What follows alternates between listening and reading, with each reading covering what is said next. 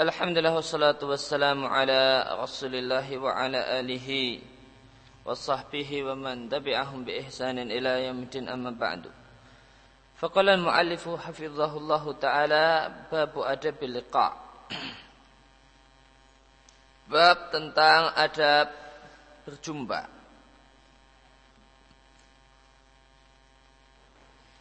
Qala Rasulullah sallallahu alaihi wasallam tasafahu yudhibul ghilla.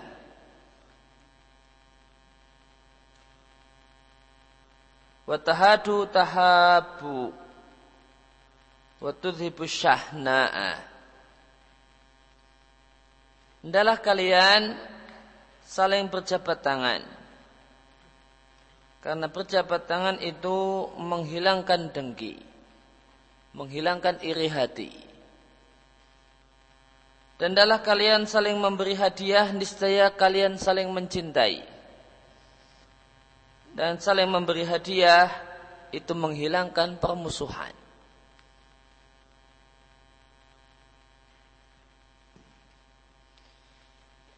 Di catatan kaki diatkan oleh Imam Malik dari Atta bin Abdullah al-Khurasani dan dia tabi'in. Qal qala Rasulullah sallallahu alaihi wasallam hadis mursal. Ibn Abdul Bar telah At-Tamhid mengatakan wahada ay al-hadis ay al-hadisu yattasilu min wujuhin hisanin kulliha. Hadis ini itu muttasil bersambung alias tidak mursal min wujuhin hisanin dari sanat-sanat yang derajatnya hasan seluruhnya. Sumasaka minha kemudian beliau bawakan sebagian darinya.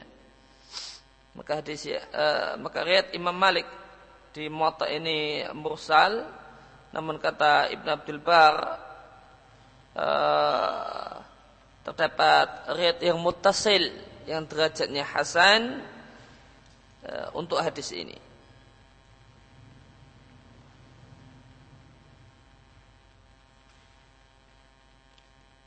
Ya, maka di sini Nabi Shallallahu Alaihi Wasallam menyebutkan, uh, memerintahkan dan menyebutkan uh, faedah berjabat tangan dan faedah saling mengirim hadiah dan memberi hadiah.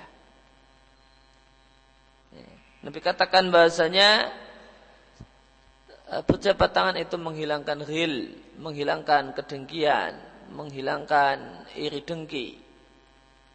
Dan berkaitan dengan masalah ghil, maka uh, terdapat kata-kata ghil dan terdapat kata-kata ghul. Uh, kalau ghil itu maknanya kedengkian. Iri dengki, kalau ghul itu maknanya belenggu. Itu maknanya belenggu. Tulisannya sama, cuma e, cara bacanya yang beda.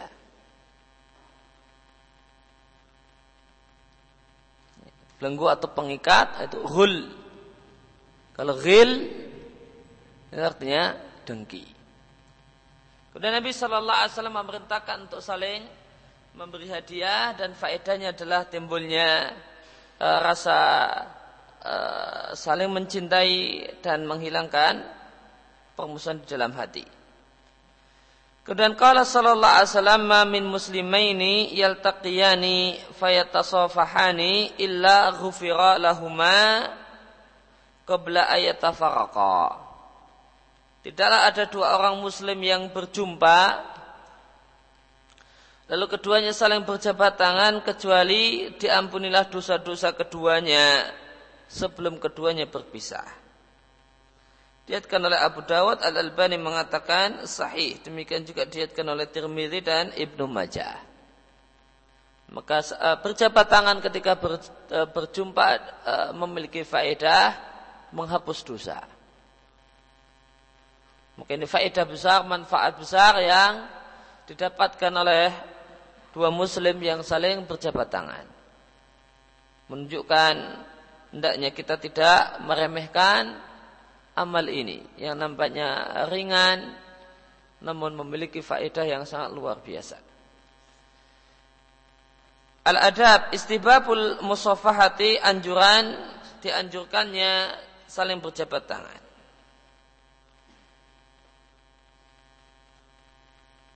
Telah lewat kita bawakan asar atau dalil yang menunjukkan bahasanya saling berjabat tangan itu menghilangkan kedengkian. Di samping itu berjabat tangan adalah sebab diampuninya dosa. Dan berjabat tangan adalah sesuatu yang dimotivasi sangat satu hal yang dianjurkan oleh Nabi Shallallahu Alaihi Wasallam dan dipraktekkan oleh para sahabat beliau ridwanullah alaihim. Qala Qatadatu qultu li Anasin. Ya. Qatadah mengatakan aku bertanya kepada Anas bin Malik akanatil musafahatu fi ashabin Nabi sallallahu alaihi wasallam? Apakah saling berjabat tangan itu ada di tengah-tengah para sahabat Nabi? Maka Anas mengatakan na'am ada. Diatkan oleh Al-Bukhari Dan dalam kisah uh, tobat uh, Allah Subhanahu wa taala menerima tobatnya Ka'ab bin Malik. Qal Ka'ab mengatakan, "Dakhaltul masjidah." Maka pada pagi hari itu aku masuk ke dalam masjid. Faidah bi Rasulillah sallallahu alaihi wasallam tiba-tiba uh, ternyata di dalam masjid terdapat Rasulullah sallallahu alaihi wasallam. Faqama ilayya Talhatu bani Ubaidillahi yuharwilu. Faqama ilayya maka berdirilah menyambutku. Salah seorang sahabat yang bernama Talhah bin Ubaidillah. Yuharwilu dan dia ya, setengah berlari berjalan tepat hatta sofahani sampai ketika dia berjumpa denganku maka dia menjabat tanganku wahanna'ani dan mengucapkan selamat kepadaku karena Allah telah menerima tobatku dan karena Nabi Shallallahu Alaihi Wasallam baru saja membacakan ayat yang turun menyatakan Allah Subhanahu Wa Taala menerima tobat Kaab bin Malik dan dua kawannya.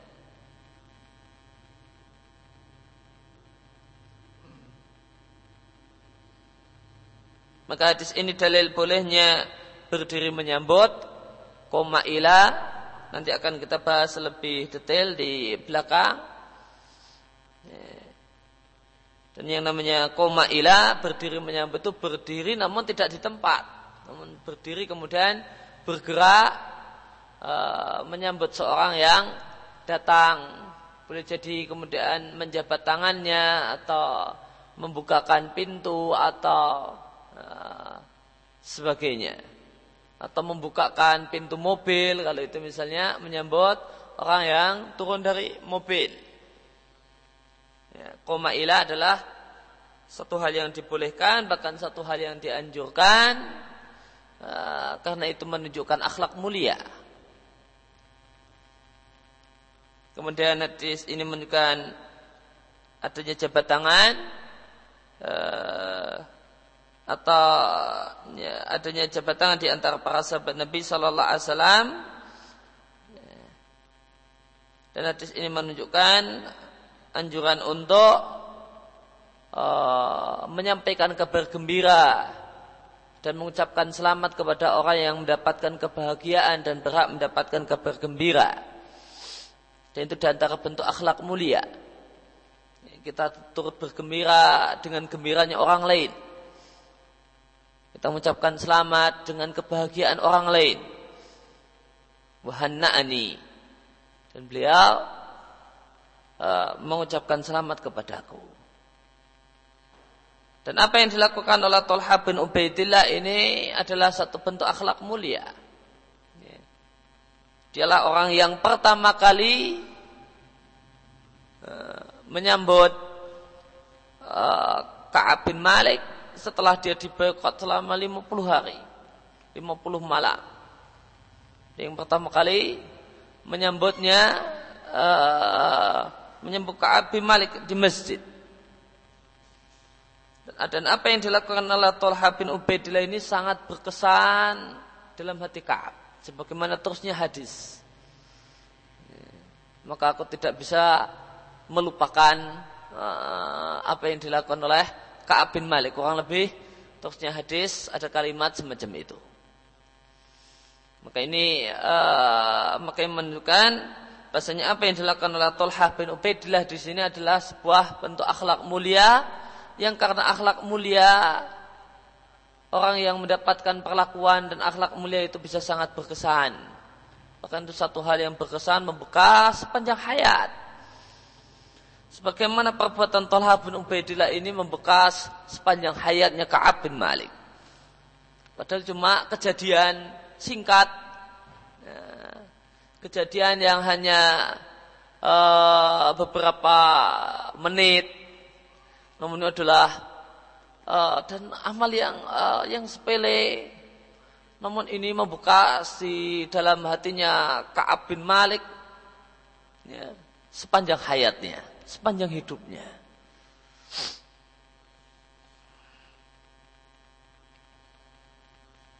Kemudian bamin uh, hadis Anas dan dari Anas bin Malik radhiallahu anhu lamma ja'a ahlul Yamani tatkala penduduk Yaman datang menghadap Nabi sallallahu alaihi wasallam qala Nabi sallallahu alaihi wasallam maka Nabi sallallahu alaihi wasallam mengatakan ini secara asal muasal jabat tangan dalam Islam Qad aqbala ahlul Yaman penduduk Yaman telah datang wahum araku kuluban minkum dan mereka adalah orang-orang yang hatinya lebih lembut daripada kalian.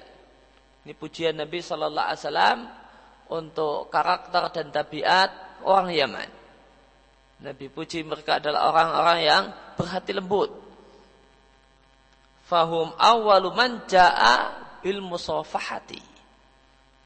Maka mereka penduduk Yaman adalah orang yang pertama kali uh, uh, datang dengan membawa ajaran al-musafahah saling berjabat tangan.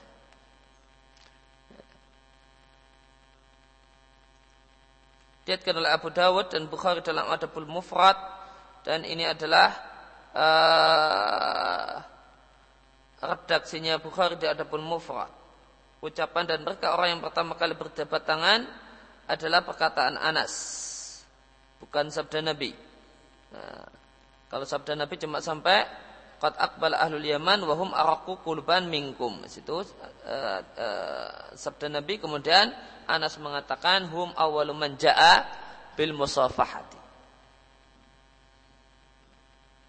Hal ini jelas uh, jika kita setelah kita bandingkan dengan riwayat Imam Ahmad.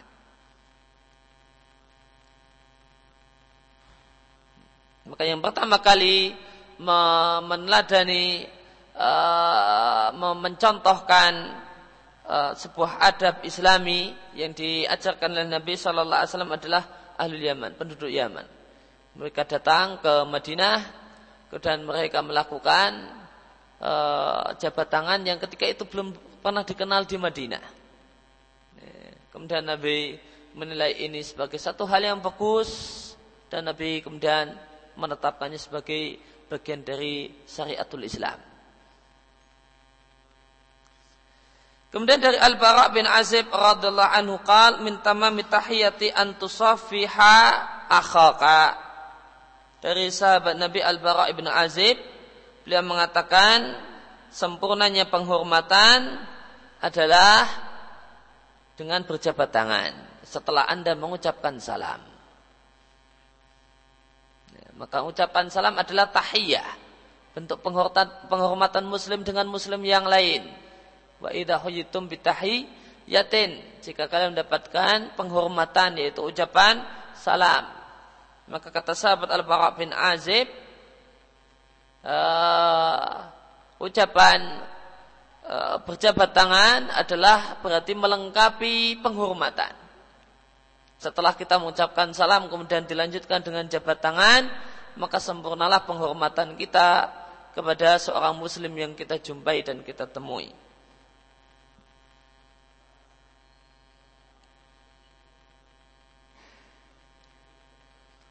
Kemudian al-musafahatu saling berjabat tangan adalah satu hal yang dianjurkan ketika saling berjumpa.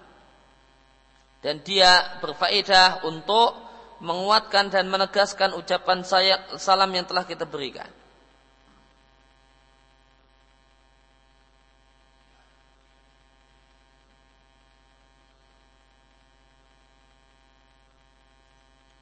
Ja'a adabil mufrad uh, terdapat dalam sarah adabul mufrad.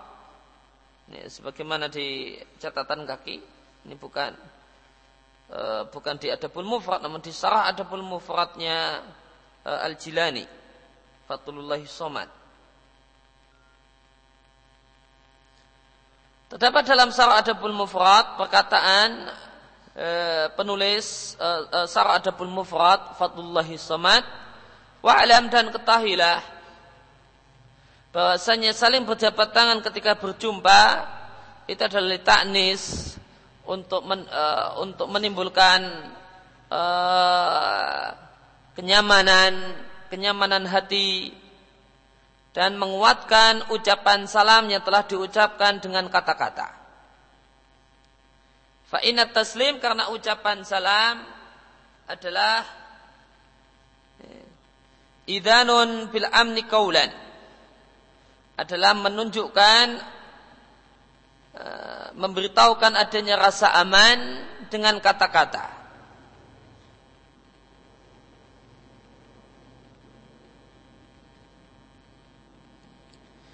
Tasaffu sedangkan berjabat tangan adalah sejenis dengan bayat wa talqin ala dzalika dan pengajaran untuk bayat wataukidun dan menguatkan apa yang telah diucapkan oleh kedua orang muslim dengan ucapan salamnya. Sehingga masing-masing dari orang yang berjumpa itu merasa aman dari gangguan kawannya. Maka penulis uh, Fadlullah Somad Sarah Adabul Mufrad menjelaskan Eh, kenapa kok bisa dikatakan uh, jabat tangan adalah penyempurna penghormatan? Karena jika ada dua orang muslim bertemu kemudian mengucapkan salam, maka ucapan dengan adanya ucapan salam, maka kita mendapatkan rasa aman dari orang tersebut. Ketemu orang kok dia mengucapkan salam, maka dia nggak uh, maka kita merasa aman dari gangguannya. Ya. Kemudian setelah itu ditambah dengan jabat tangan. Maka tadi adalah e, pemberian rasa aman dengan kata-kata dengan dengan dia menjulurkan jabat tangannya maka berarti dia memberikan rasa aman dengan perbuatannya. Maka tak kumpulah dua rasa aman. Rasa amal yang di, dihasilkan dari ucapan salam dan rasa aman yang dihasilkan dari perbuatan.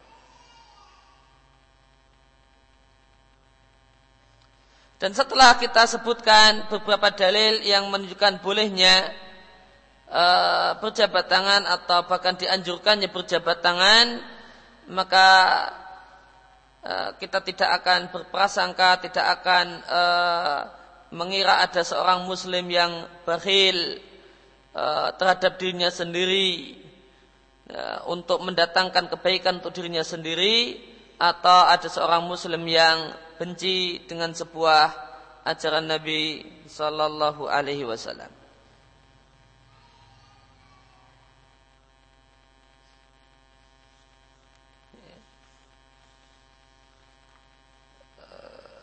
Maka bahasan tentang masalah jabat tangan di di sini kitabul adab cuma sampai di sini.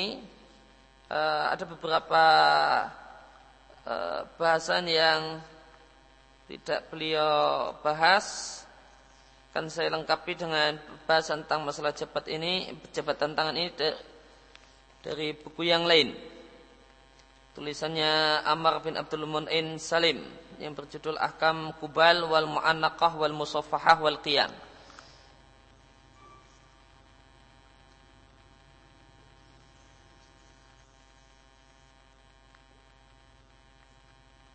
Maka di antara perhatian para perhatian para ulama salaf terhadap para pendahulu kita tentang masalah jabat tangan adalah mereka memberikan minyak wangi untuk tangannya. Ya, dalam rangka untuk mengagungkan ajaran Allah Subhanahu wa taala yaitu berjabat tangan. Diatkan oleh Al-Bukhari dalam Adabul Mufrad Diatkan oleh Bukhari dalam Abdul Mufrad dengan sanad yang sahih. Dari Thabit Al-Bunani dia mengatakan anna anasan karena idza asbaha dahana yadahu bidun uh, biduni tibin limusafahati ikhwanihi.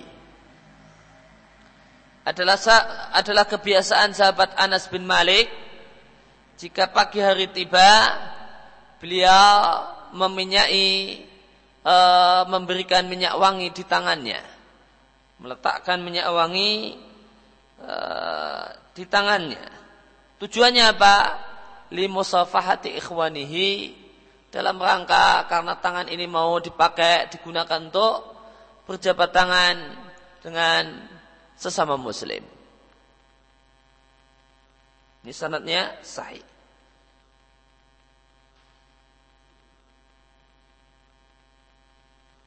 Kemudian penulis uh, kemudian Amr bin Abdul Mu'min Salim mengatakan riat ini uh, jelas menunjukkan dianjurkan dianjurkan dianjurkan untuk memberi minyak wangi uh, di tangan dalam rangka dengan tujuan berjabat tangan.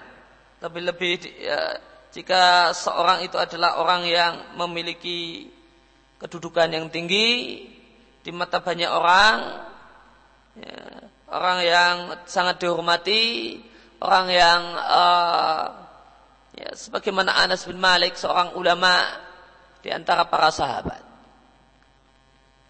Dan bolehnya takalluf lidalik dan bolehnya takalluf uh, ya, agak memaksakan diri untuk hal itu buktinya dengan merutinkan setiap pagi maka ada kegiatan khusus untuk minyak telapak tangan. Maka ini tentu butuh biaya, biaya untuk beli minyak wangi. Nah, ini takaluf di sini.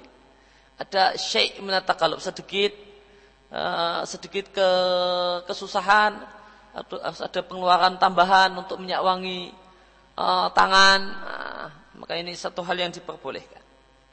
Namun ini tentunya hukumnya mubah untuk laki-laki adapun untuk perempuan maka tidaklah diperbolehkan bagi seorang perempuan untuk menampakkan mewangian, memunculkan mewangian pada orang yang bukan mahramnya.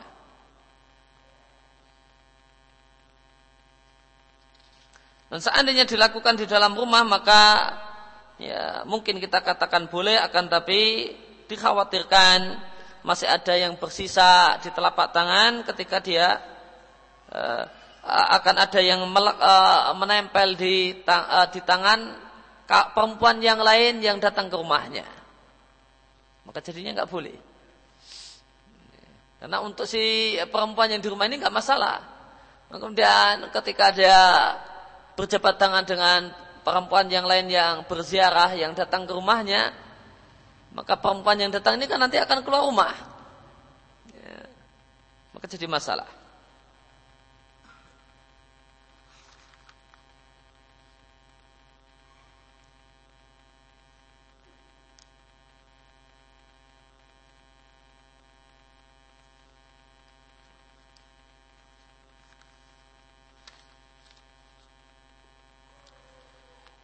Kemudian kapankah disyariatkannya berjabat tangan?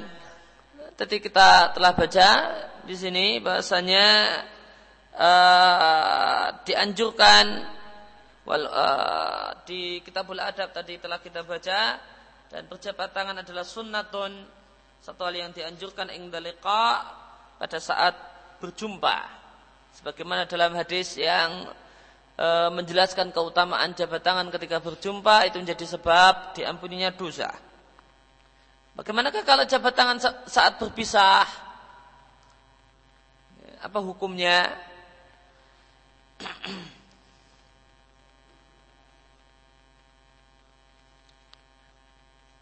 Ya, apakah jabat tangan itu hanya pada saat berjumpa? Apakah dituntunkan juga berjabat tangan pada saat berpisah? Orang mau pergi kemudian jabat tangan dulu.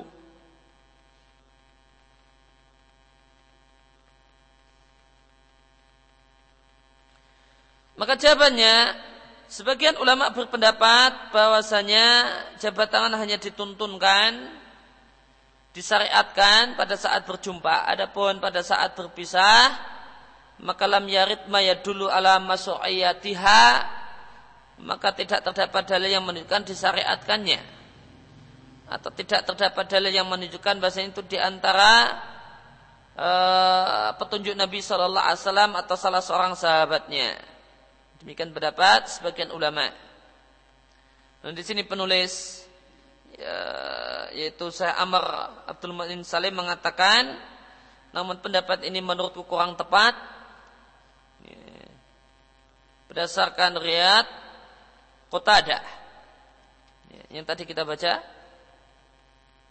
ada eh, bertanya kepada Anas bin Malik Akanatil musafahatu fi ashabi Nabi sallallahu alaihi wasallam? Apakah ada jabat tangan di tengah-tengah para sahabat Nabi? Qal maka Anas mengatakan apa? Na'am. Jadi riwayat siapa? Bukhari. Maka berdasarkan uh, perkataan Anas ini, pertanyaan Qatadah dan jawaban Anas, maka kita lihat dalam hadis ini, hadis ini mutlak. Menyatakan adanya jabat tangan di tengah-tengah para sahabat dan tidak membatasinya dengan pada saat berjumpa saja. Maka hadis tersebut e, tidaklah menunjukkan ditiadakannya, meniadakan adanya jabat tangan ketika berpisah. Maka ini di antara dalil yang menguatkan bolehnya jabat tangan pada saat berpisah. Maka kesimpulannya jabat tangan ketika berpisah itu ter, uh, di kita lakukan, kita kerjakan ataukah tidak mengikuti uruf tradisi di masing-masing negeri.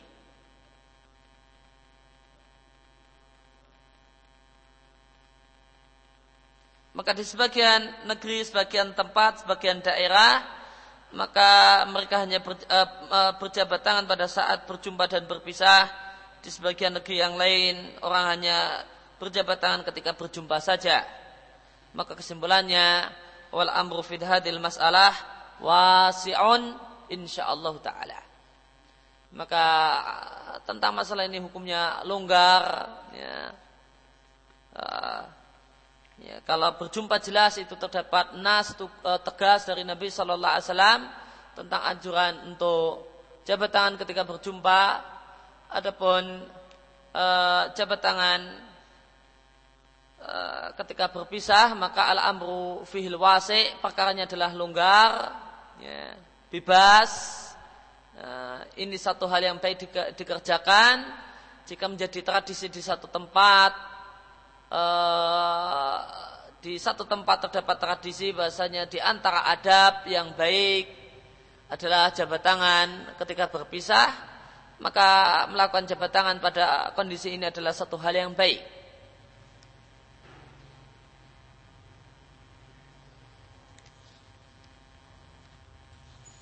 satu hal yang boleh dikerjakan dan kita bisa kuatkan uh, kebolehan hal ini dengan hadis yang mengatakan bahwasanya ada jabat tangan di antara para sahabat.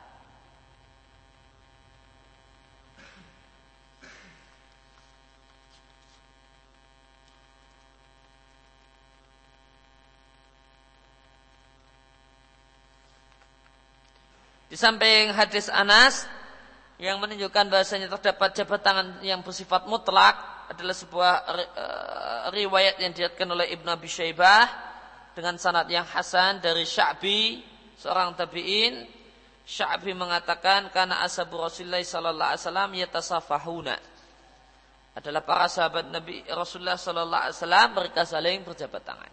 Ya, tidak di sini tidak ada pembatasan jabat tangan tersebut hanya pada saat berjumpa. Maka berjabat tangan adalah satu hal yang dianjurkan ketika berjumpa. Ya, satu hal yang masrok dalam pengertian dianjurkan ketika berjumpa ada penjabat tangan ketika berpisah maka pada asalnya adalah jawas. Ya, pada saat berpisah mau pergi maka pada asalnya adalah satu hal yang hukumnya mubah karena ini adalah uh, bukan masalah ibadah, ini masalah adat dan hukum asal pada masalah adat adalah mubah. Kemudian uh, maka boleh dikerjakan dan uh, meskipun tidak dianjurkan dan terdapat uh, dua dalil yang bisa kita katakan menguatkan hukum mubah ini. Namun ini menjadi satu hal yang uh, sebaiknya dilakukan ketika mengikuti urf masing-masing tempat. Bisa berubah menjadi satu hal yang sebaiknya dikerjakan ketika urf menilai di situ adalah di antara bentuk sopan santun, di antara bentuk penghormatan dan pemuliaan eh, dan di antara bentuk kesempurnaan dalam uh, pamitan. Kemarin telah kita uh, bahas di babul isti'dzan bahasanya di antara adab Islami adalah pamit ketika hendak pergi. Maka dinilai bahasanya pamitan ketika hendak pergi ini satu hal yang bagus. Kalau ditambah dengan jabat tangan, maka satu hal yang bagus. Ya. dan ini adalah jabat tangan adalah bentuk ungkapan pamitan, maka ini satu hal yang bagus untuk dikerjakan dan dilakukan.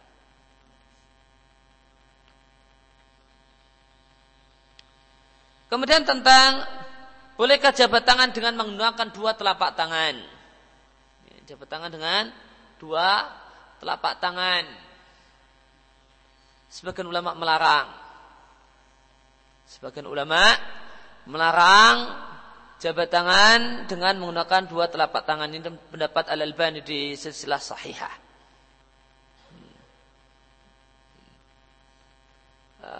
Menurut Al-Albani berjabat tangan dengan dua telapak tangan adalah khilafus sunnah. Menyelisih sunnah.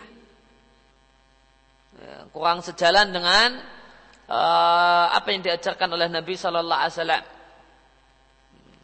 Dan beliau beralasan dengan dalil-dalil uh, semacam keutamaan orang yang Eh, berjabat tangan ketika berjumpa dengan sama muslim. Di sana ada kalimat eh, dan dalam bahasa Arab jabat tangan disebut musafahah. Eh, di sana dikatakan fayatasafahani. Maka keduanya yatasafahani melakukan musafahah dan musafahah itu diambil dari kata-kata sofhah. Sofhah artinya lembaran tangan. Lembaran tangan maka ya tasafahani maknanya saling memberikan lembaran tangan. Saling memberikan lembaran tangan. Lembaran tangan bertemu dengan lembaran tangan itu musafahah. Maka dari nama ini maka menunjukkan bahasanya ya, yang sunnah dalam jabat tangan adalah dengan satu tangan. Yang sunnah dalam jabat tangan adalah hanya dengan satu tangan. Karena di sana terdapat musafahah. Lembaran tangan bertemu dengan lembaran. Saling memberikan lembaran tangan. Musafahah wazannya mufa'alah. Eh, mengandung makna musyarakah. Saling. Saling memberikan lembaran tangan. Berarti ini uh, hanya dengan satu telapak tangan. Sehingga jabat tangan dengan dua telapak tangan menurut Al-Albani adalah satu hal yang khilafus sunnah. Namun pendapat beliau dalam masalah ini kurang tepat. Ya. Yang yang tepat, yang benar dalam masalah ini jabat tangan boleh dengan satu tangan dan boleh dengan dua tangan.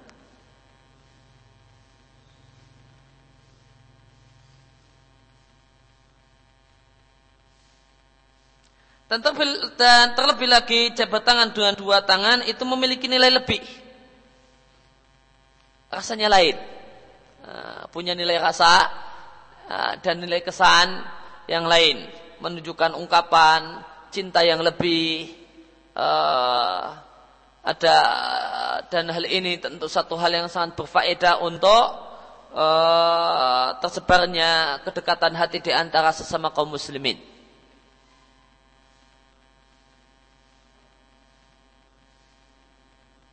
Maka dalil uh, dibolehkannya jabat tangan dengan dua telapak tangan. Dalilnya adalah hadis yang diatkan oleh Bukhari dalam sahihnya. Dari Ibnu Mas'ud.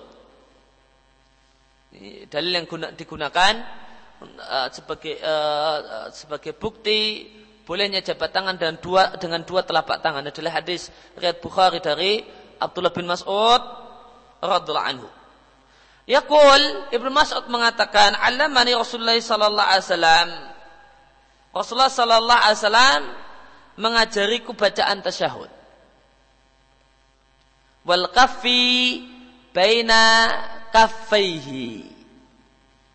Ini wajah syahid.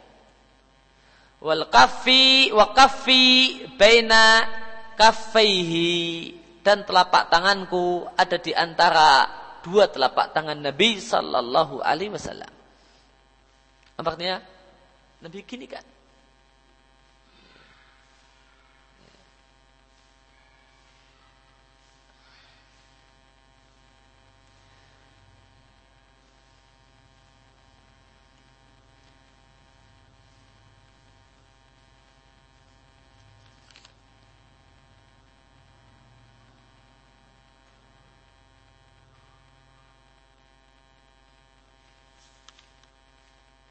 Dan hadis Abdullah bin Mas'ud ini diberi judul bab.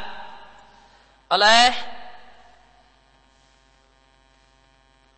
Al-Bukhari diberi judul bab bab al-akhdhi uh, babul akhdhi bil bab memegang tangan.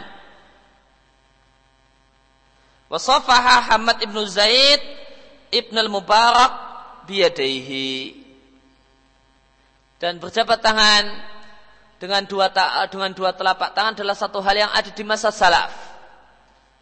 Dan Bukhari mendatangkan riwayat ya, Hamad bin Zaid itu menjabat tangannya Abdullah bin Mubarak dengan dua telapak tangannya.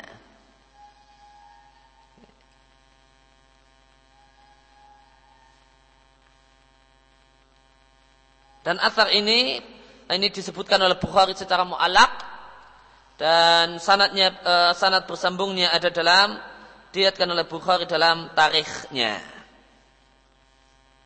Maka dari dari hadis ini dari uh, dari kisah Abdullah bin Mas'ud uh, disimpulkan uh, bolehnya jabat tangan dengan dua telapak tangan.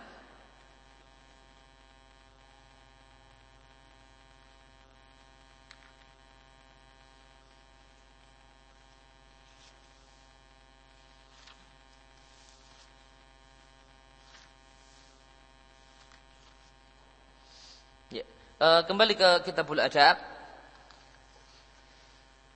Mas'alatun i'tada ba'dunas. Sebagian orang punya kebiasaan. Mereka berjabat tangan dengan imam salat mereka. Atau ada orang yang di samping mereka setelah selesai salat lima waktu.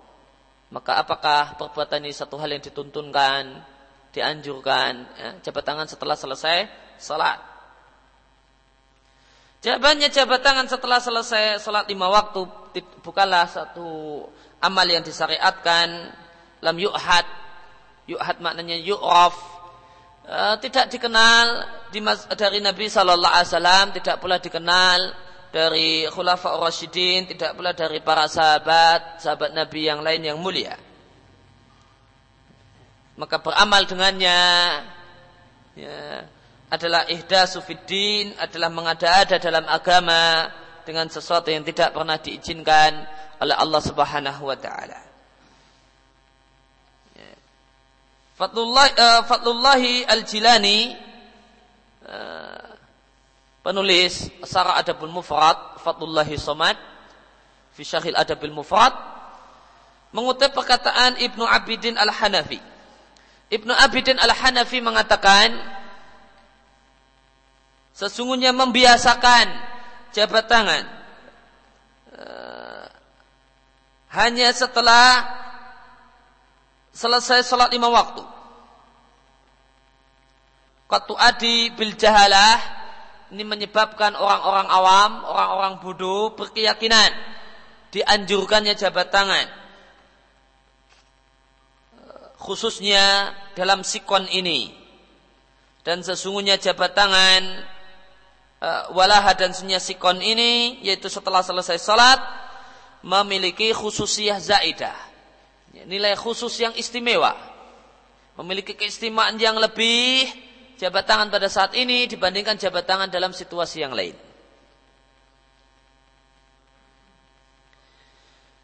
Padahal zahir perkataan penulis, ya, penulis uh, Ibn Abidin ini Hasyah Ibn Abidin buku Sarah, penulis uh, matan yang beliau sarah, zahir perkataan beliau menunjukkan bahasanya jabat tangan setelah selesai sholat tidaklah dilakukan oleh satupun salaf. Ya, tidaklah dikerjakan oleh satupun salaf fi hadil mawadi tidaklah satupun salaf melakukan jabat tangan setelah di tempat ini, yaitu setelah selesai salat. Dalam kitab yang namanya uh, Multaqat, tukrahul musafahatu makruh hukumnya. Berjabat tangan setelah selesai salat bikuli halin, apa pun kondisinya. Alasannya karena para sahabat tidak pernah melakukannya. Yang kedua, karena jabat tangan setelah selesai salat adalah ya, kebiasaan rafidah, kebiasaan syiah. Sedangkan ulama-ulama syafi'iyah mengatakan bahasanya jabat tangan setelah selesai salat hukumnya bid'ah. Sebagaimana ditegaskan oleh Izuddin Abdus Salam Asy-Syafi'i dan yang lainnya. Uh, Syafi'iyah mengatakan la aslalah fi syar'i. Tidak ada dalilnya dalam syariat. Jabat tangan setelah selesai salat fardu. Dan menurut Syafi'iyah uh, pelakunya orang yang melakukan jabat tangan setelah selesai salat uh, itu yang pertama dilarang masih ngeyel besok dihukum wa yu'azar tanian dan diberi hukum takzir setelah masih ngulangi lagi. Udah diingatkan eh, nggak perlu salam-salaman. Kalau besok masih dikerjakan, maka aparat pemerintah punya kewajiban untuk menangkapnya eh, dan mukulinya. Demikian fatwa Syafi'iyah. Maka ada orang di masjid ditangkap. Eh, ada orang yang di masjid ditangkap oleh aparat karena uh, masih ngeyel saja untuk diingatkan untuk tidak perlu jabat tangan setelah selesai salat fardu.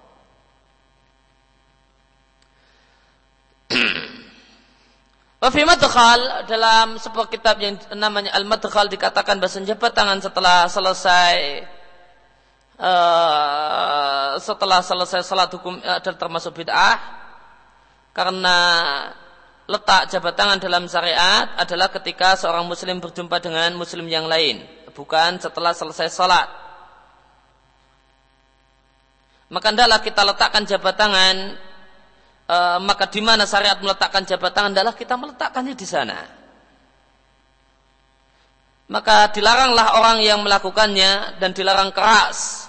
Maka dilaranglah perbuatan ini dan dilarang keras pelakunya karena apa yang dia kerjakan adalah khilafus sunnah adalah hal yang menyelisih sunnah demikian kutipan dari Fadlullahi Somad Sarah Adabul Mufrad. Sarah pertama dari Adabul Mufrad.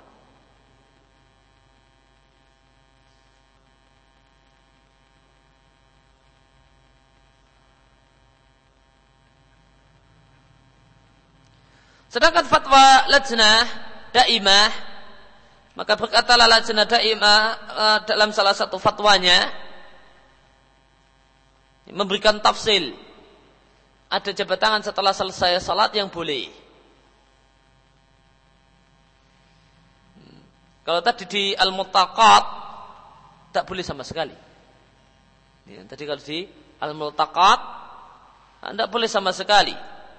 Jabat tangan setelah selesai salat bikuli halin. Tidak ada alasan yang dibolehkan.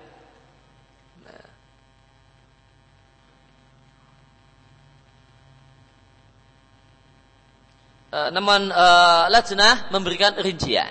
Kalau lajnah memberikan rincian, ada yang boleh, ya, ada yang nggak boleh.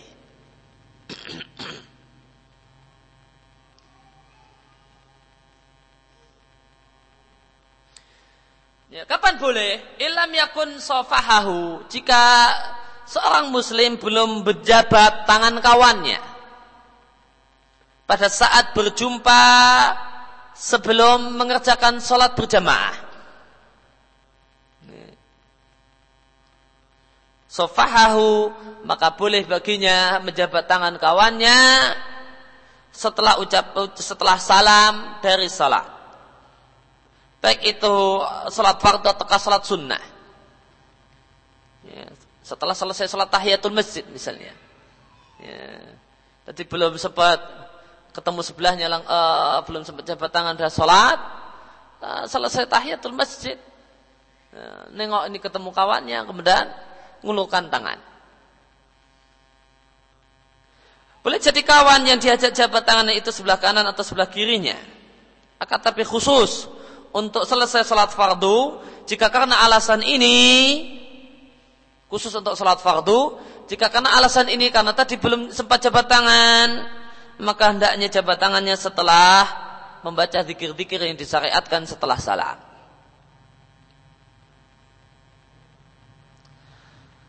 Adapun jabat tangan, salam di sini maksudnya jabat tangan.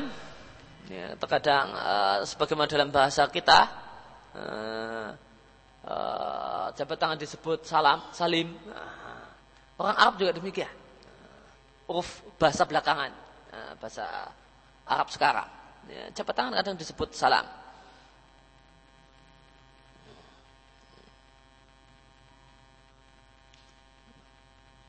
Orang tua nyuruh anaknya untuk jabat tangan dengan kawannya, bapaknya dia suruh anaknya dengan salim ala amik. Maksudnya jabat tangan. Salim ala amik.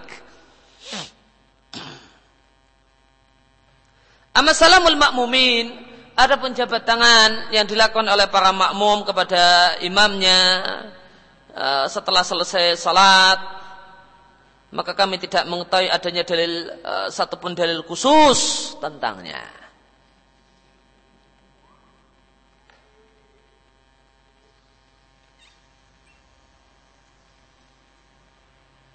Ya, maka uh, memberikan rincian tentang jabat tangan setelah selesai salat itu ada yang boleh dan ada yang tidak boleh.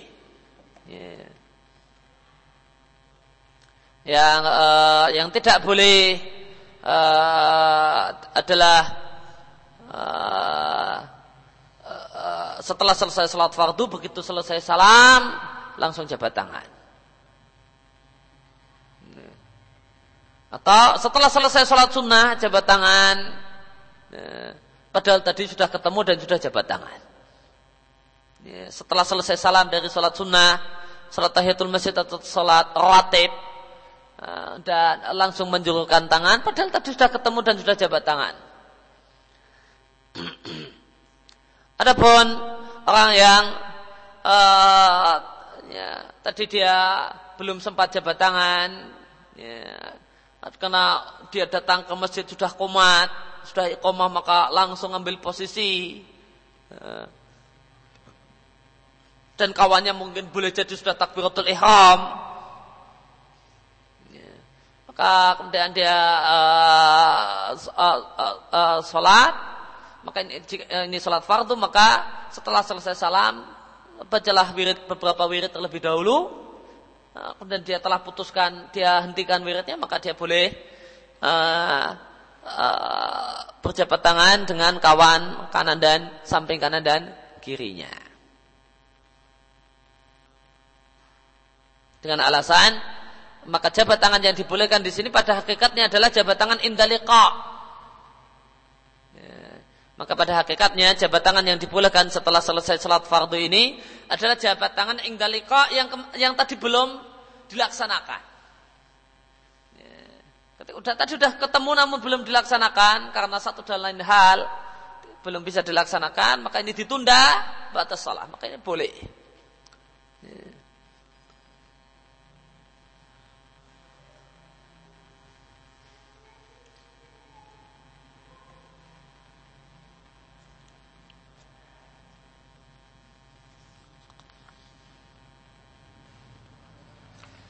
Kemudian faedah uh, diatkan oleh Bukhari dalam Adabul Mufrad dari Salamah bin Wardan.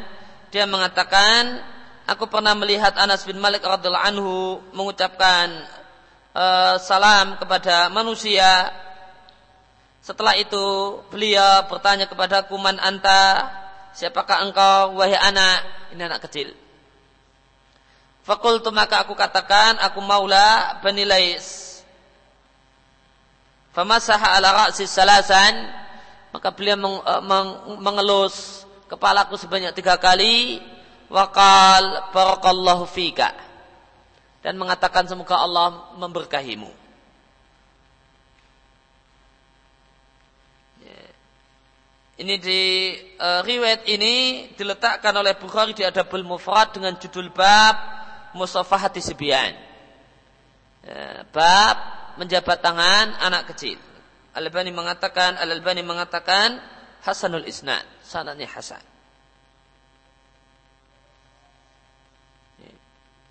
Uh, maka uh, fa'ala maka berdasarkan hal ini dianjurkan mengucapkan salam kepada anak kecil dan menjabat tangan mereka. Karena menjabat tangan anak kecil itu adalah bentuk sayang dengan anak-anak walhunu alaihim demikian juga bentuk cinta atau belas kasihan pada anak-anak di samping ini bermanfaat karena membiasakan anak-anak tersebut untuk melakukan kebaikan. Kemudian perbuatan Anas mengelus-elus dan mengusap kepala anak kecil tersebut adalah di antara bukti kasih sayang dan e, belas kasihan yang dimiliki oleh sahabat Anas bin Malik terhadap Sibian terhadap anak-anak. Kemudian poin berikutnya adalah haramnya berjabat tangan dengan uh, perempuan ajnabiyah, perempuan yang bukan istri, bukan mahram. Dalilnya adalah hadis yang diatkan oleh Bukhari dalam sahihnya dari Anas Ummul Mukminin radhiallahu anha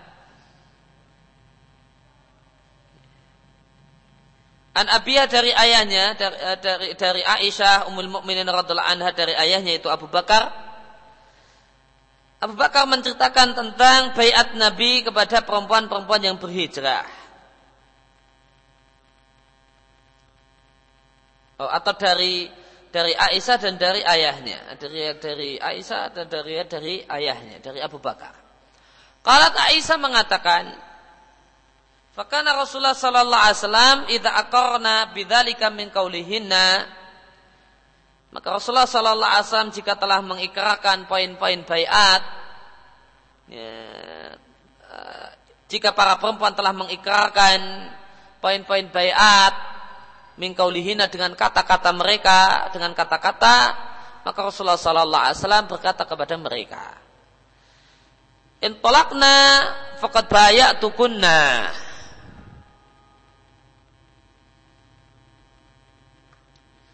Pergilah kalian sesungguhnya aku telah membaiat kalian.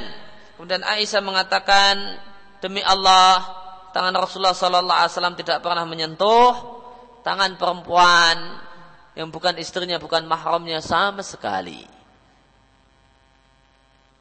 Ghaira annahu namun Nabi Sallallahu Alaihi Wasallam hanyalah membayat para perempuan dengan kata-kata. Demi Allah, Rasulullah Sallallahu Alaihi Wasallam tidaklah mengambil uh, mengambil poin bayat kepada para perempuan kecuali sebagaimana yang Allah perintahkan. Maka Rasul berkata kepada mereka, jika Rasul telah mengambil bayat kepada mereka secara lisan, Nabi katakan, "Qad bayatukunna kalaman." Aku telah membayat kalian dengan kata-kata.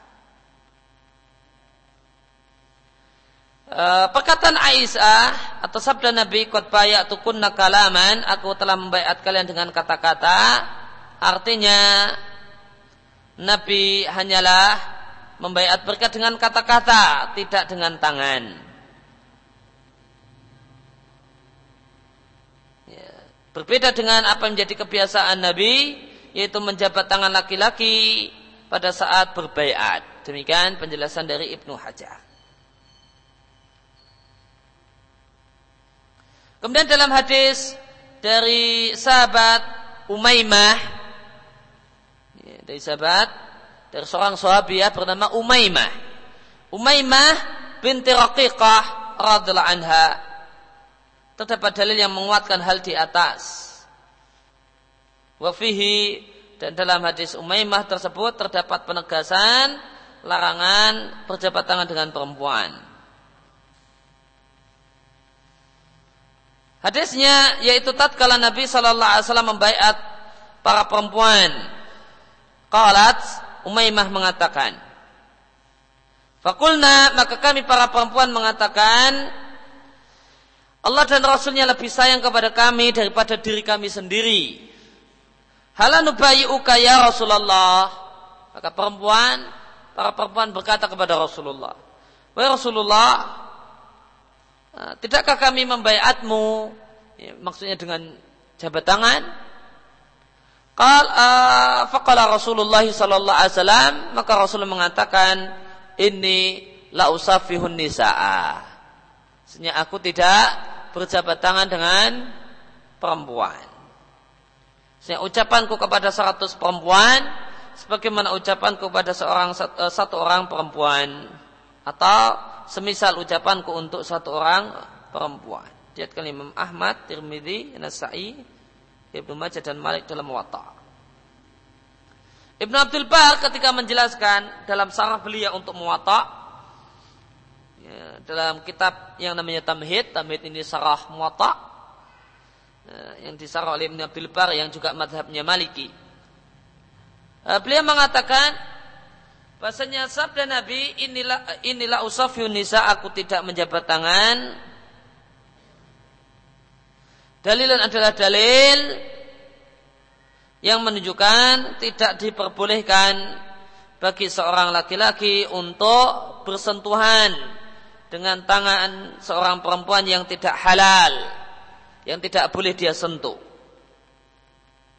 Dan Nabi Shallallahu Alaihi Wasallam tidaklah menyentuhkan tangannya dengan menyentuh perempuan, tidak pula menjabat tangan perempuan.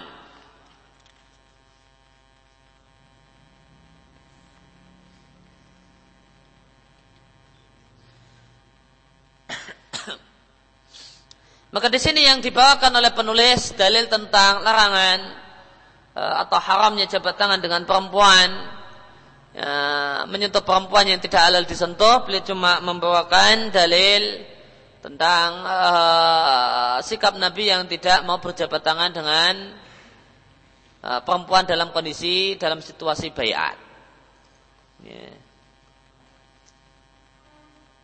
Ini uh, uh, dalil ini kurang kuat.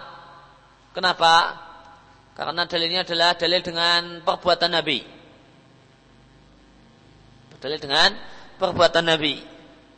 Uh, maka dalil yang lebih kuat, yang lebih layak untuk dibawakan dan dikedepankan dan diutamakan dalam masalah ini adalah dua dalil. Uh, pertama adalah hadis yang diatkan oleh Bukhari dan Muslim di mana Nabi Shallallahu Alaihi Wasallam menyebutkan uh, zina anggota tubuh, ya, maka salah satunya Nabi katakan zinanya tangan dengan sentuhan. Eh, zinanya tangan dengan sentuhan. Maka Nabi menyebut sentuhan antara uh, tangan seorang laki-laki dengan uh, yang menyentuh uh, anggota badan perempuan Nabi sebut dengan sebutan zina. Dan zina adalah haram. Maka ini menunjukkan haramnya hal ini. ini ditambah dengan uh, uh, hadis uh, yang uh, diatkan oleh Tabrani uh, di mana Nabi Shallallahu Alaihi Wasallam mengatakan sungguh seandainya kepala kalian ditusuk dengan uh, jarum dari besi maka itu lebih baik daripada menyentuh perempuan yang tidak halal untuk disentuh. Ini diatkan oleh Tabrani dalam Mujam Kabir dari Makil bin Yasar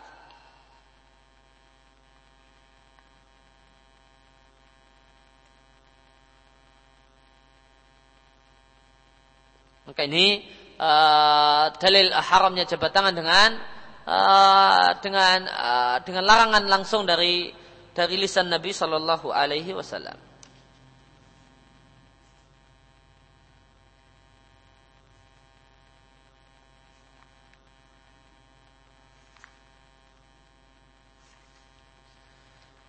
Kemudian faedah ya takit ba'duna sebagian orang berkeyakinan bolehnya berjabat tangan dengan perempuan yang ajnabiyah jika dibalik tabir pakai kain ya, pakai uh, ada pelapis di kain uh, berupa kain yang menutupi uh, telapak tangan. Dan ini adalah keyakinan yang keliru.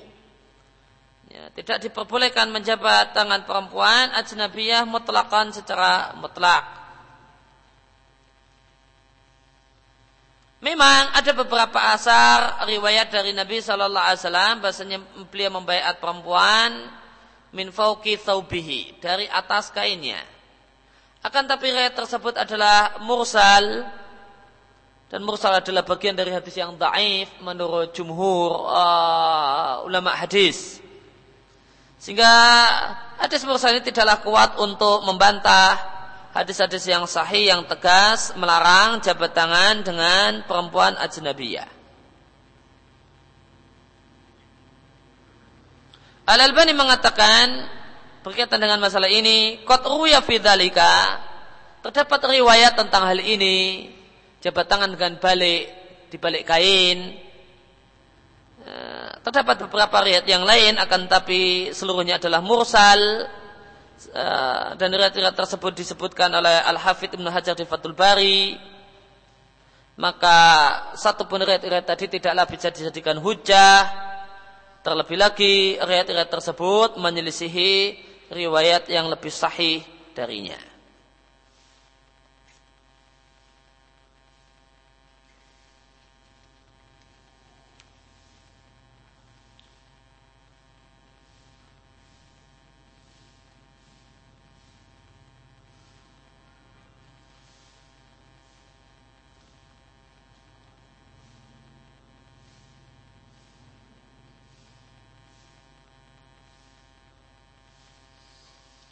Dan di antara yang menegaskan tidak bolehnya jabat tangan dengan dibalik kain adalah Imam Ahmad.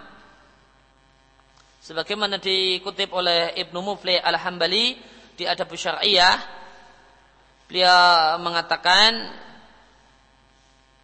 uh, sesungguhnya Abu Abdullah yaitu Imam Ahmad ditanya tentang seorang laki-laki yang menjabat uh, tangan seorang perempuan, maka beliau mengatakan la, tidak boleh wasyaddada fihi jiddan dan beliau mengeluarkan ungkapan-ungkapan yang sangat keras melarang jabat tangan laki-laki dengan perempuan.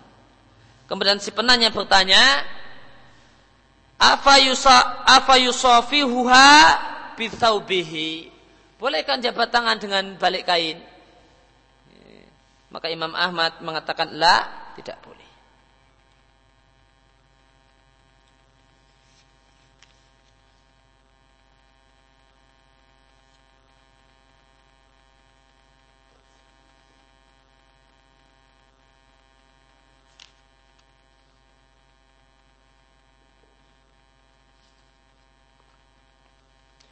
Kemudian e, di antara adab berjabat tangan adalah istihbab anjuran untuk tidak menarik tangan dalam jabat tangan sampai yang lain yaitu yang mengulurkan tangan yang pertama kali mengulurkan tangan melepas tangannya.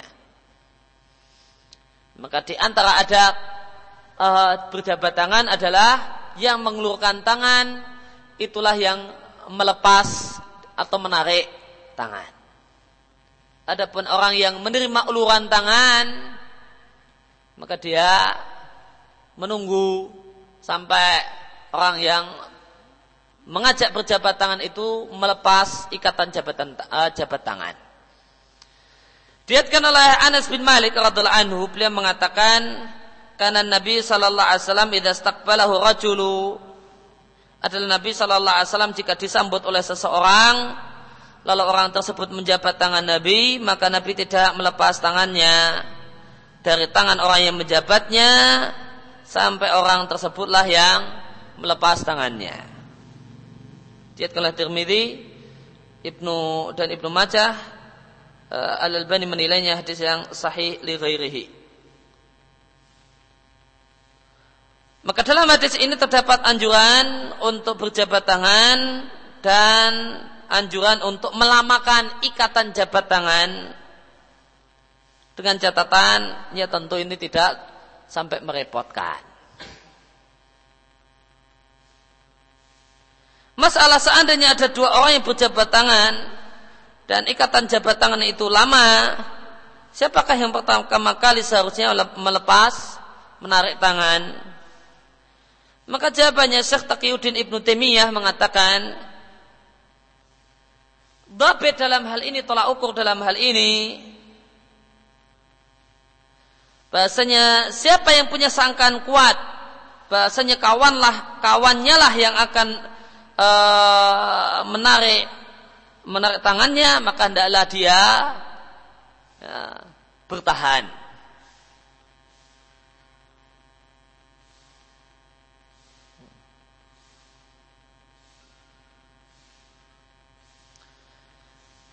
Maka seandainya uh, kita, kita katakan dianjurkan untuk bertahan untuk masing-masing dari keduanya, makanya akan menyebabkan uh, jabat tangan nggak selesai-selesai.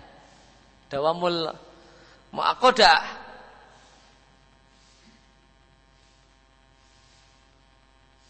Akan tetapi persyaratan yang disampaikan oleh Abdul Qadir Abdul Qadir itu siapa? Lihat catatan kaki Ibnu Taimiyah di sini Taqiyuddin Ibnu Taimiyah di sini mengisarkan perkataan Abdul Qadir Al-Jilani Al-Hambali.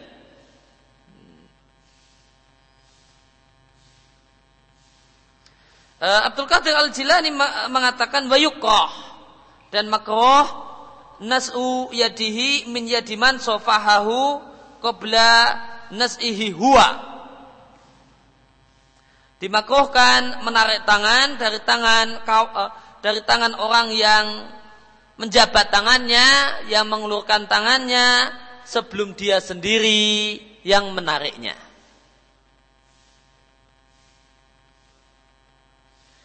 Maka kalau uh, penjelasan yang diberikan oleh Abdul Qadir Al-Jilani itu hasanun satu hal yang bagus.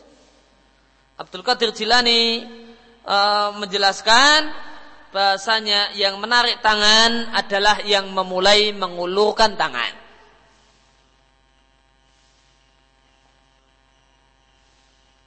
Ya. Maka Ibnu Taimiyah uh, tentang masalah ini Ibnu Taimiyah sebagaimana kita lihat di sini uh, kalau beliau dobitnya adalah gula betudon siapa yang uh, kira-kira mau menarik nah ya yang uh, hendaknya kawannya itu ngalah. Ini kayaknya yang menarik, maka hendaknya kawannya ngalah. Ya. Namun meskipun demikian, beliau uh, menilai bagus apa yang dikatakan oleh apa yang jadi pendapat Syekh Abdul Qadir Al Jilani Al Hambali, yaitu yang menarik uh, tangan adalah yang pertama kali mengulurkan tangan untuk jabat tangan. Dan ini uh, sesuai dengan apa yang dipraktekkan oleh Nabi Sallallahu Alaihi Wasallam dalam hadis yang baru saja kita baca. Ya, demikian yang kita baca kesempatan pagi hari ini. Uh, untuk esok pagi libur saya ada acara wassalamualaikum warahmatullahi wabarakatuh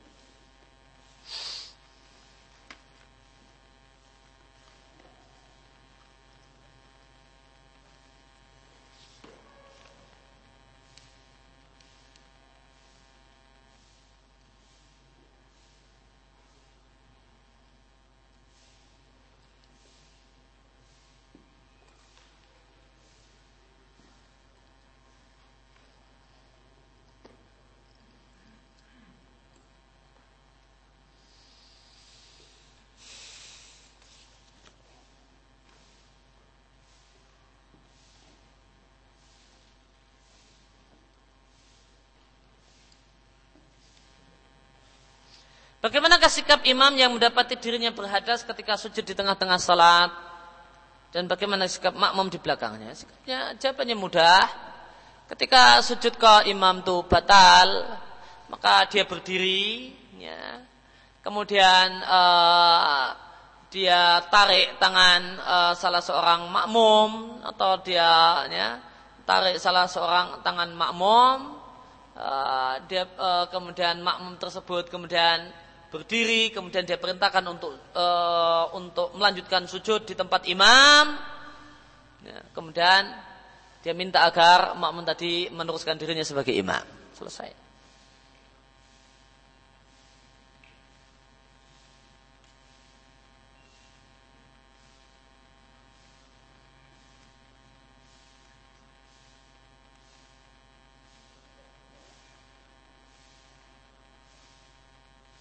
Seorang menjual rumah dengan harga 150 juta karena kemampuan pembeli yang terbatas, maka pembelian dilakukan dengan cara angsuran. Untuk menghindari riba dalam hutang, maka penjual membuat uh, term sebagai berikut. Uh, harga rumah menjadi 200 juta sampai 300 dengan cicilan uh, eh, 5 tahun dan 300 sampai 400 jika cicilan 10 tahun dan harga rumah masih bisa dinego dan ada tawar menawar. Bagaimana sikap penjual ini dalam timbangan uh, hukum muamalah? Uh, jawabannya boleh menurut pendapat yang paling kuat dan itu adalah pendapat uh, jumhurul fuqaha. Bahkan sebagian ulama mengklaim itu adalah ijma. Bolehnya hal ini semacam sebagaimana dikatakan oleh Abdul Aziz bin Bas. Uh, bahasanya itu adalah ijma tentang bolehnya hal ini. Nah, dengan catatan ah, dengan catatan sangat penting tidak ada denda seandainya terjadi keterlambatan memberikan uh, angsuran. Ya.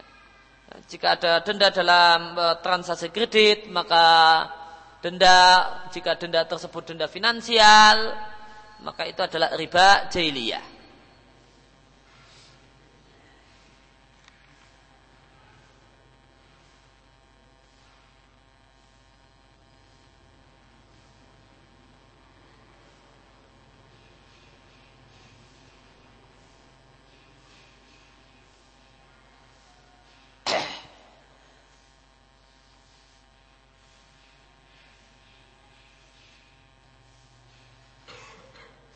Bagaimanakah mengkompromikan perbedaan uruf semisal jabat tangan? Apakah uruf daerah kita ataukah uruf daerah yang sedang kita tempati? Jawabannya uruf daerah yang sedang kita berada di sana. Itu yang kepakai. Maka orang yang tinggal di Jogja ya urufnya orang Jogja, bukan bahwa urufnya orang Irian atau urufnya orang Ambon atau urufnya orang uh, Sulawesi atau sebagainya. Dalil tegas tidak boleh mengucapkan selamat Natal. Dalilnya ijma' sebagaimana dikatakan oleh Ibnu Qayyim di Ahkam Al-Dhimmah. Ulama ijma haramnya uh, mengucapkan ucapan selamat dalam uh, acara-acara ke keagamaan orang kafir. Haramnya ijma. Jika ucapan selamat ini diliringi ridho, maka kafir. Diringi dengan keridhaan dan persetujuan terhadap agama orang kafir, maka ini pembatal iman. Jika tidak maka ini hukumnya haram. Dengan sepakat ulama. Apakah wa'alaikum wawunya termasuk wawu isti'naf. Kemarin kita telah uh, bahas tentang hal ini bahasanya jawaban salam waalaikumsalam misalnya maka wawunya adalah wawu atof. Bagaimanakah jabat tangan yang dikreasikan oleh sebagian aktivis dakwah berjabat tangan kemudian menggenggam tangan?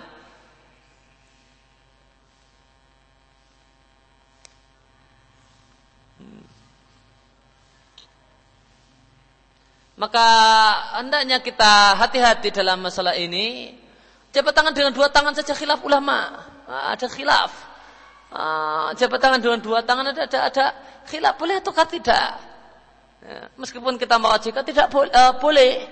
Non ada khilaf dalam masalah ini. Gimana kreasi-kreasi yang lain? Nah, ya. Maka hendaknya uh, uh, mencukupkan dengan apa yang ada.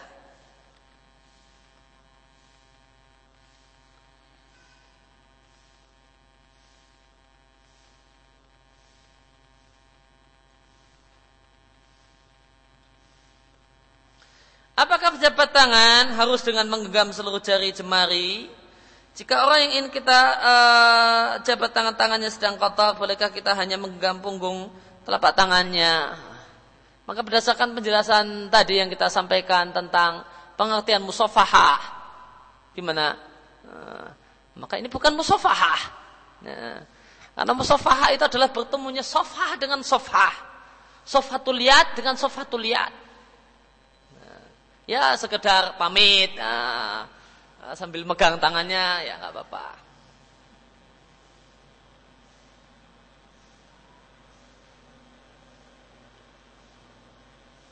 Jika tidak boleh menjabat tangan lawan jenis yaitu sepupu laki-laki misalnya, bolehkah kita ganti dengan e, meletakkan dua, telap, e, dua telapak tangan di depan dada kemudian sambil tersenyum dengannya? Mudah-mudahan itu e, madarat yang lebih ringan.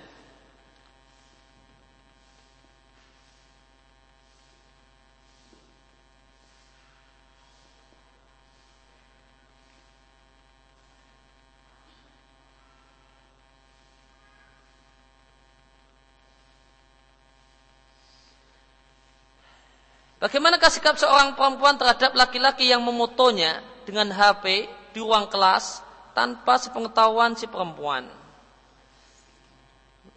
Bagaimanakah cara menegurnya? Ya, meskipun menurut uh, ulama yang membolehkan memoto sekalipun, memoto perempuan hukumnya haram. Ya, apalagi ini perempuan ajnabiyah dan dipoto tanpa izinnya, makanya double-double haramnya. Ya.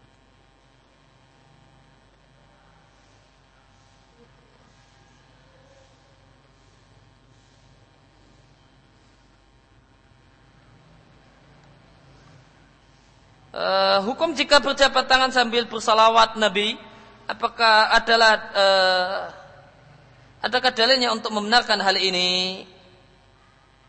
Apakah hal ini termasuk bid'ah? Tidak ada tuntunan dari Nabi Shallallahu Alaihi Wasallam jabat tangan itu diringi dengan salawat baik setelah selesai sholat taraweh ataupun sebagian tempat uh, setelah selesai sholat Jumat di banyak masjid setelah selesai sholat fardu setelah zikir setelah zikir rame-rame ah, nanti kemudian setelah itu eh, doa ya, setelah itu kemudian dibuatlah kalangan ah, jabat tangan sambil berselawat. Ah, maka ini satu hal yang mengada-ada dan satu hal yang tidak benar. Selawat itu ada letaknya, ada letak kapan berselawat, ya yang letak-letaknya ini dikumpulkan oleh Ibnul Qayyim di kitabnya Jalaul Afham ada 20 tempat atau 14 atau 20 e, tempat bersolawat dan tidak ada satupun di antara hal tersebut adalah e, bersolawat e, ketika berjabat tangan.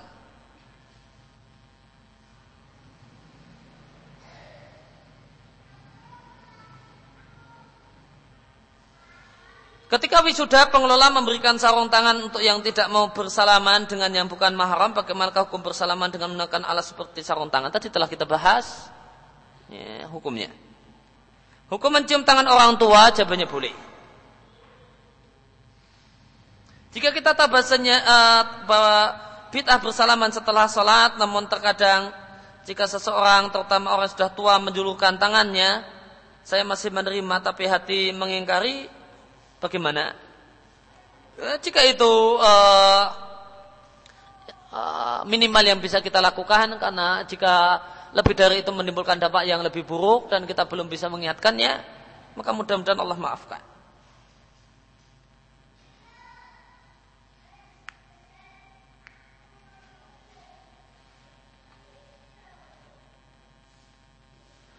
Bagaimana cara menghindari jabat tangan saat seorang pengantin pria dan wanita saat walimah terkadang tamu langsung menyerobot tangan. Ya, perlu keberanian. Ya. Uh, coba, uh, uh, maka jauh-jauh uh, sebelum dia menjulurkan tangan kita sudah uh, sudah memperlihatkan sikap kalau kita tidak menerima jabat tangan dengan meletakkan tangan di dada ini sebagai tanda kalau kita tidak menerima jabat tangan atau yang uh, atau meskipun dia nyulurkan namun kita narik mundur ke belakang. Uh, ya meskipun dia kemudian kaget ya nggak apa-apa. Uh, dengan uh, kaget untuk pertama kali besok kalau orang perlu kaget kalau nggak dibuat kaget ya akan uh, ngejak kita jabat tangan. Nah, kalau udah ada udah kaget terus kemudian tahu prinsip kita maka insya Allah akan kita akan bisa menjaga diri. Ya, namun jika kemudian dia nyerobot, nah, karena yang nyerobot itu istrinya Obama, kemudian terus diterima, ya tidak benar. Ya meskipun dia uh, nyerobot ya mundur, bukan malah kemudian nyerobot kemudian maju, pakai tangan dua lagi, maksiatnya dua tangan. Kalau nyobot istrinya Obama nyobot kemudian cuma ta satu tangan yang diulur itu dosanya satu tangan. Kalau dua, dua tangan dosa semua. ya demikian yang kita kesempatan pagi hari ini wasallallahu ala nabiyina Muhammadin wa ala alihi wasallam. Wa da'wana alhamdulillahirabbil alamin subhanakallahumma bihamdika asyhadu an la ilaha illa anta astaghfiruka wa atubu ilaik.